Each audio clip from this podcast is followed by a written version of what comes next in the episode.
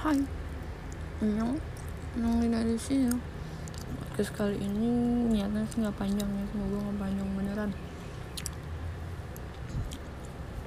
Hmm, ini adalah podcast tentang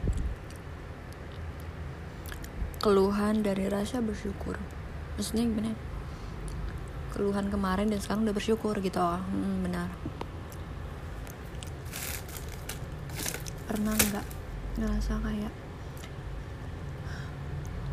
mau sekuat apa pun kita tapi kenapa makin lama keadaan tuh makin bikin kita um, ngedukung kita buat nyerah gitu.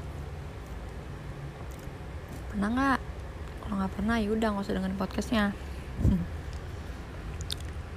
Ya kemarin bukan kemarin sih sekarang. Aku di titik itu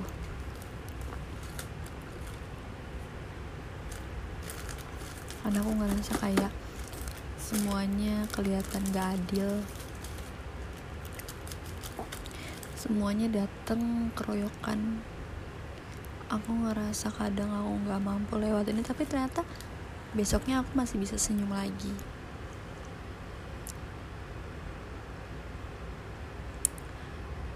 Hmm.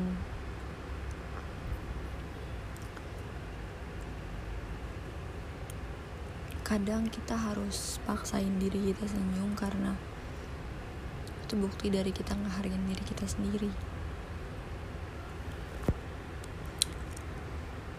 Aku gak pernah suka lihat orang nyerah.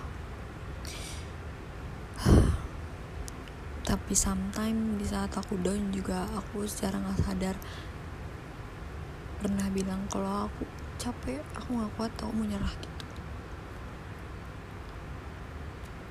di saat kewarasan aku balik di saat semuanya udah selesai aku keluarin unek-uneknya ya aku coba lagi buat bersyukur lagi bersyukur lagi bersyukur lagi. Ibaratnya kayak kalau kata-kata nasihat orang mah sabar ya gitu. Aku ngerti kenapa sebagian orang kalau lagi ada masalah tuh susah cerita karena aku pun dulu begitu. Aku ngerasa semua ngomongan orang itu bullshit kayak orang yang nanya kita kenapa itu cuman kepo. Jarang bukan jarang maksudnya kayak buat bener-bener peduli tuh bener-bener peduli sama masalah kita tuh kayak cuman ya elah segelintir orang. Gitu. Jadi saking aku punya trust issue kayak aku jadi nggak bisa percaya orang jadi pada di titik aku bener-bener susah buat cerita.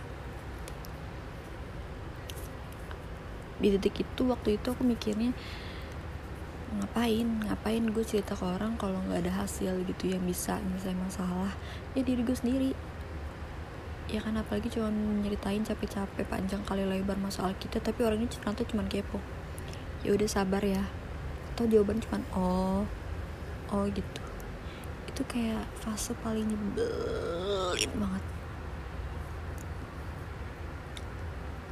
Aku nggak ngerasa hidup aku paling berat enggak. Cuman um, cuman ngerasa kayak apa ya? Mengerasa kayak kok gue udah ngalamin masalah itu tepat pada umurnya ya gitu tapi beberapa kali orang-orang kasih gue kepercayaan buat lo cerita aja nggak apa-apa gitu. Gue tuh beneran peduli bukan kepo doang gitu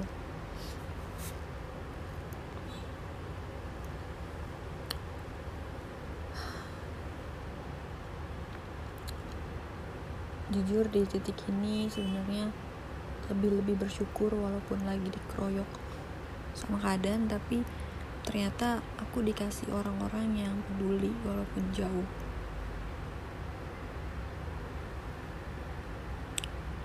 Leoku sahabat-sahabat aku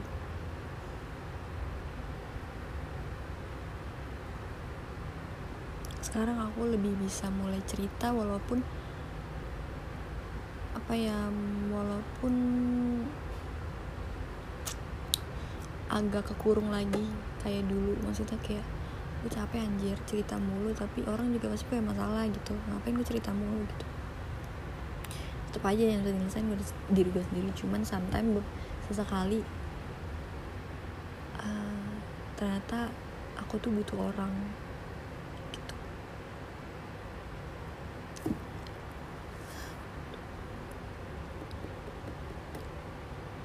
di hidup aku menurut aku aku udah terlalu banyak ngalamin kekecewaan dari segala aspek termasuk dari orang tua sendiri. Jadi aku banyak nilai karakter orang. Dan sekarang aku gak punya banyak orang di hidup aku karena aku jujur nggak bisa jadi orang yang se maksudnya seceria-cerianya aku seakrab-akrabnya aku sama orang segampang-gampangnya aku temenan sama orang tuh buat mereka ada di hidup aku tuh nggak bisa masukin semua.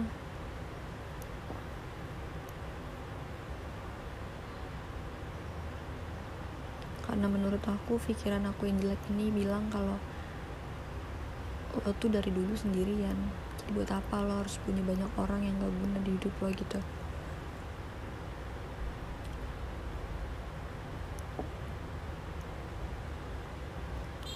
Aku pernah jadi orang yang oversharing.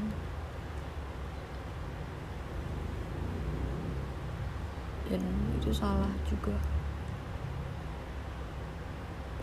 Jadi menurut aku hmm, kita tuh sebagai manusia ternyata diciptain buat nggak ada yang sempurna karena kesalahan itu jadi bikin kita mikir dan belajar. Ya gak sih? Ada orang yang selalu maksain dirinya sempurna tapi di saat dia nginjak lubang ya udah dia jatuh ke dalam jurang yang paling dalam. Tapi kalau kita hidupnya kayaknya penuh cobaan ngerti kan kalau hidup kita banyak masalah pasti kita emosinya jadi gak stabil. Dan di situ kita pasti buat kesalahan di saat emosi kita tuh nggak bisa kita kontrol. Dan situ titik belajar kita menurut aku sih. Udah 7 menit nih 8 menit.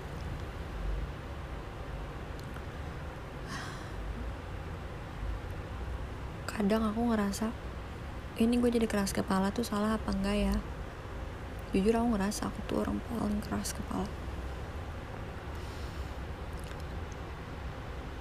Hmm, tapi ada video Nadine Hamzah bilang kayak gini ridho orang tua itu penting tapi jadi keras kepala juga penting. Kalau jalannya susah kita buat jalannya sendiri yang lebih gampang itu bikin bener-bener kayak mantem diri aku yang keras kepala maksudnya kayak oh oke okay. ya balik lagi aku nyoba cara itu tapi ternyata oh bukan gagal tapi kayak ini salah salah ada salah pemahaman gitu tapi karena aku ngerasa aku jauh dari semua orang. Padahal aku butuh banget semangat dan pelukan secara nyata tapi orang-orang yang aku sayang ini jauh. Jadi aku cuman berharap paling baik ya ke Tuhan aku. Manusia tuh gampang berubah gak sih? Kita punya hati dia punya hati kita bisa jadi munafik ya berarti dia juga gitu. Jadi kadang kalau kita kasih kepercayaan kita ke orang sisain buat diri kita sendiri biar kalau kita kecewa ya nggak jauh-jauh banget. Ya kan? Udah ujung berharap sama Tuhan aku kalau tahun depan adalah tahun keberuntungan aku buat jadi orang yang makin kuat makin banyak bersyukur. Aku pernah baca juga video apa baca ya pokoknya tentang kayak gini. Di saat lo doa buat ya Allah kuatin gue di setiap masalah gue gitu. Kadang malah cobaannya makin banyak karena di titik itu lo diuji buat jadi makin sabar. Tapi di saat doa lo diganti jadi ya Allah jadiin hamba orang yang ahli syukur. Dari situ hidup lo bakalan berubah. Dan gue kehipnotis sama kata-kata itu. Jadi sekarang yang gue harapin cuma dari Tuhan gue dan segala doa-doa baik gue selalu gue panjatin tiap harinya tiap detik malah. Karena gue nggak mau jadi orang yang gampang putus asa terus udah gitu. Udah gue jauh dari orang-orang. Gue juga jauh dari Tuhan gue itu kayak kesalahan besar sih karena buat apa hidup? Kalau misalkan kita tuh cuman masuk ke dalam kegelapan yang makin bikin susah diri kita sendiri. Harusnya kita tuh cari ketenangan yang di mana buat kita tuh berpikir jernih. Intinya emosi itu nggak pernah nyelesain apa pun. Apa pun gitu dan plot twistnya banget paling ngakaknya banget. Gue nih orangnya eh salah aku nih orangnya emosian. Tapi kelebihannya adalah emosian tapi juga gampang juga buat mendalin itu buat turun gitu. Ngerti gak sih? Itu kan ada ya orang emosian tapi dia tuh emosinya meledak-ledak banget sampai fatal. Tapi alhamdulillah kelebihan aku nih walaupun emosian tapi kayak gampang buat sadar ya gitu. Dan itu nggak gampang. Sampai di titik itu karena dulu juga brutal nggak jelas orangnya gitu.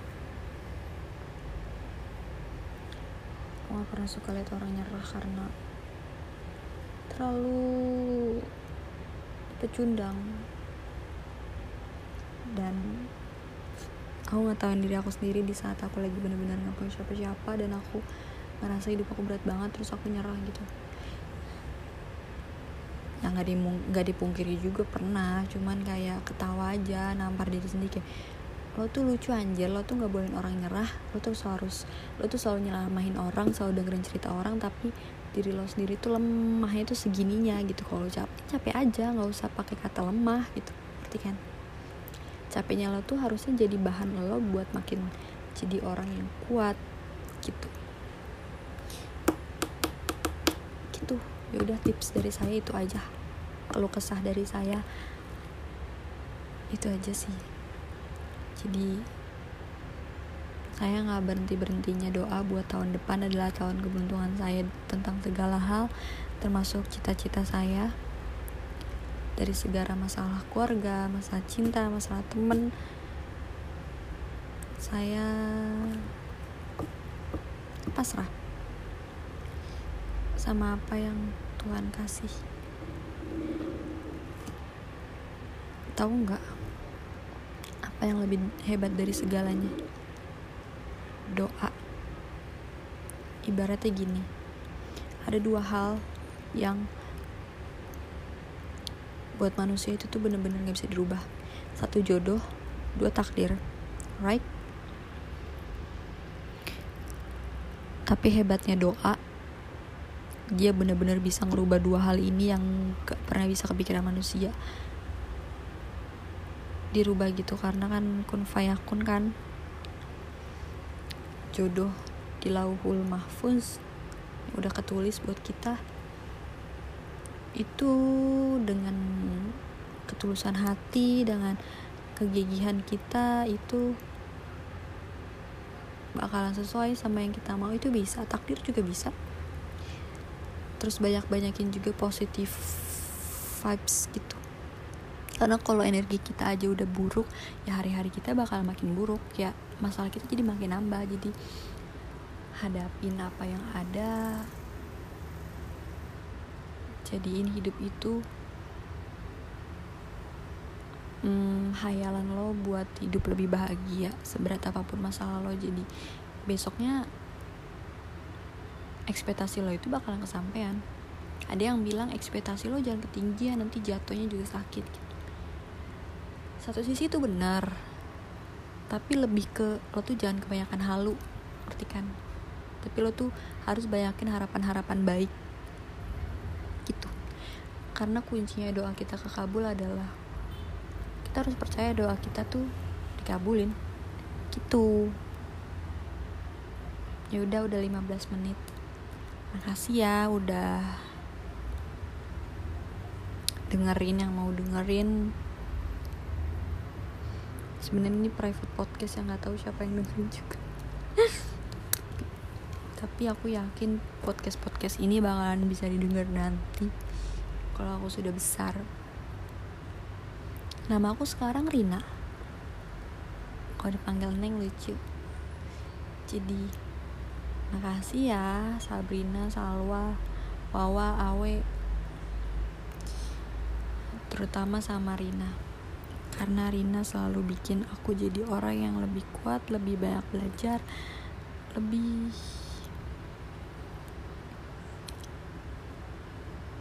lebih hebat deh pokoknya. Kadang kalau aku mikir aku sekarang makin makin cupu ternyata enggak. Karena masalah aku makin besar dan aku ternyata bisa lewat ini jadi si Rina ini hebat. Makasih ya Rina. Lo keren.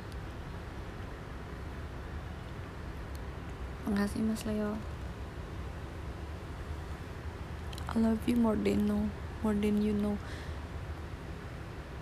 I love you in every universe.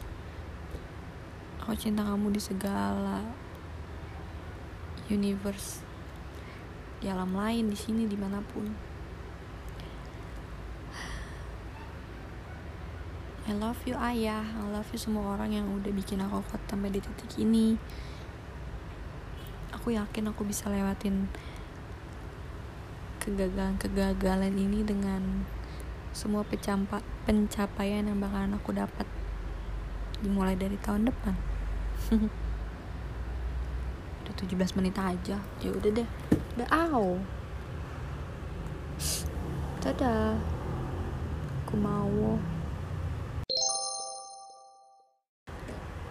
Makasih udah dengerin podcast Neng Rina di sini semoga podcast kali ini walaupun isinya keluh kesah tapi